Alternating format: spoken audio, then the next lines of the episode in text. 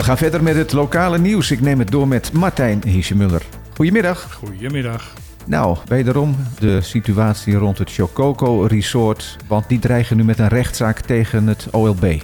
Ja, die zijn opeens verrast dat ze een, een boete krijgen. Die zeggen van ja, dit hebben we niet zien aankomen. Uh, zij zeggen dat ze op 12 augustus 2021 zekerheidshalve een aanvraag hebben ingediend voor het verkrijgen van een vergunning. En dat gaat dan om een vergunning voor het aanleggen van een strand? Van een strand, ja. Dat is tenminste wat ik uit de tekst van het artikel nu uh, begrijp. Dat is de enige informatie die ik namelijk heb. Mm -hmm. De advocaat heeft gezegd dat uh, ja, toch nog geen beslissing over de aanvraag heeft gekregen. Maar op Bonaire is dat niet ongebruikelijk, helaas. Maar om dan te besluiten om dan maar zonder dat je die vergunning aanvraag hebt toegewezen gekregen het zand te gaan storten? Juist, juist, juist. Ik vind het een vrij apart stellingname van de advocaat. Maar goed, oké, okay, uh, hij probeert het en dat, uh, dat is goed recht. Ja, ik heb wel het idee dat die brief van de advocaat voor het gesprek dat inmiddels heeft plaatsgehad tussen OLB en de directie van Chococo Resort verzonden die indruk, is. Die indruk krijg ik ook. Maar het zou best kunnen dat het voor dat gesprek al geweest is. In ieder geval, er wordt aan alle kanten gesust. En ik ben bang dat het niet de laatste keer is dat we het hierover hebben. Er wordt wel gedreigd met een, een flinke schadeloosheidstelling die ze dan eisen van het OLB. Als inderdaad door toedoen van OLB de boel niet op tijd open kan. Kijk, wat opvallend is, is dat deze mensen puur zakelijk en commercieel bezig zijn. Weinig rekening houden met de omgeving waar ze in zitten. En zo'n rechtszaak, dat is in Nederland vrij gebruikelijk om dat op deze manier te doen. Ja, nou laten we hopen dat het toch door praten voorkomen kan worden. Dat, uh, dat is te hopen. Ook uh, opnieuw aandacht voor de klimaatverandering op de eilanden. Ja, DCNA, de Dutch Caribbean Nature Alliance, de organisatie die alle natuurorganisaties binnen de zes eilanden coördineert en vanuit Nederland stuurt. Die komt nu aan de hand van de, de klimaattop in Glasgow met van ja jongens, uh, er moet meer aandacht komen voor uh, de klimaatverandering in het Caribisch Nederland. Zij noemen het een essentiële crisis worden. Nou, essentieel betekent dus uh, de, ingrijpend in, de, in het bestaan van de mensheid. Mm -hmm. Dus dat is nogal wat wat ze daar zeggen. Dus vinden het uh, onbegrijpelijk dat Nederland tot nu toe uh, de Caribische eilanden er buiten de, het beleid van Nederland zelf houden. Ja, want er werden een aantal zaken aangekaart, zoals bijvoorbeeld het sargassum, koraalverbleking en dat soort zaken waar eigenlijk helemaal geen of weinig kennis van was hè, bij degenen die daar uh, aan het onderhandelen zijn. Nee, daar zijn ze compleet niet van op de hoogte. Zij noemen het inderdaad invasie van sargassum.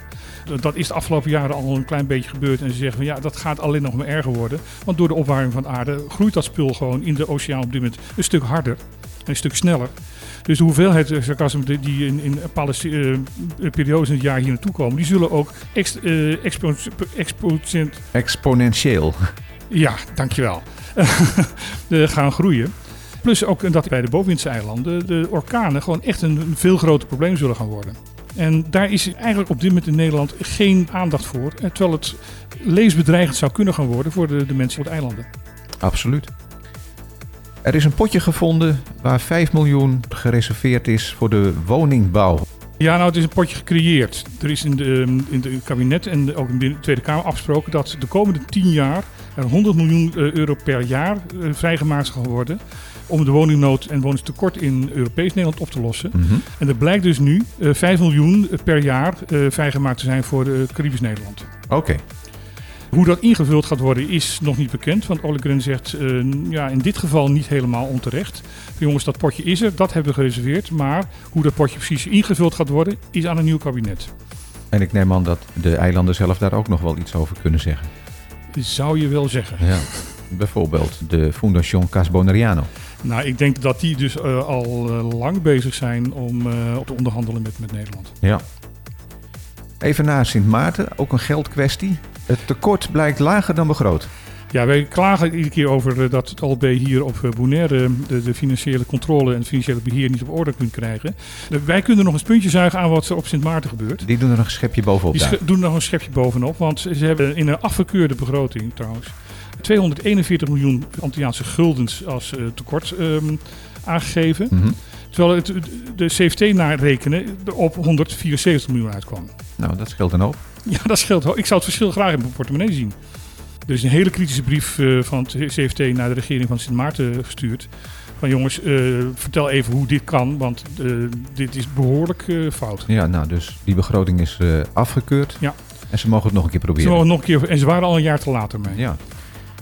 Vlakbij Sint Maarten, Sint Eustatius, daar hebben we ook nieuws van vanochtend. Ja, ook dat is al nieuws waar we het eerder over hebben gehad, namelijk de ferry. Aha. De snelferry tussen de, de Sint Eustatius in Saba en Sint Maarten.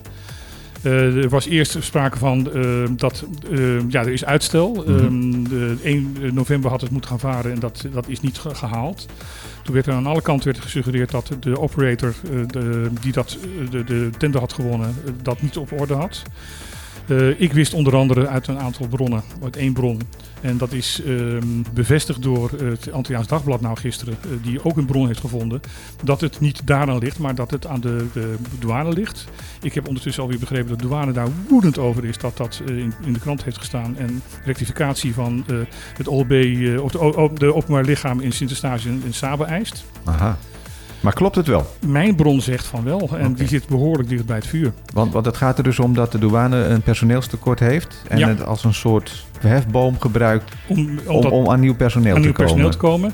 En nu heeft uh, Clive van Putten van uh, PLP, uh, de politieke partij in, de, de, grootste politieke partij in Sint-Eustatius, een spoedbijeenkomst van de eilandraad geëist om hierover te praten. Want die zegt van ja, wij willen ook nog weten van ligt het nou wel of niet aan die uh, operator. En die wil ook nog de hele tender die geweest is uh, overhoop gooien. Want er is ook veel boosheid, want dat zit er namelijk ook nog onder. Een tender is een soort aanbesteding hè? Ja, dat is aanbesteding. Ja.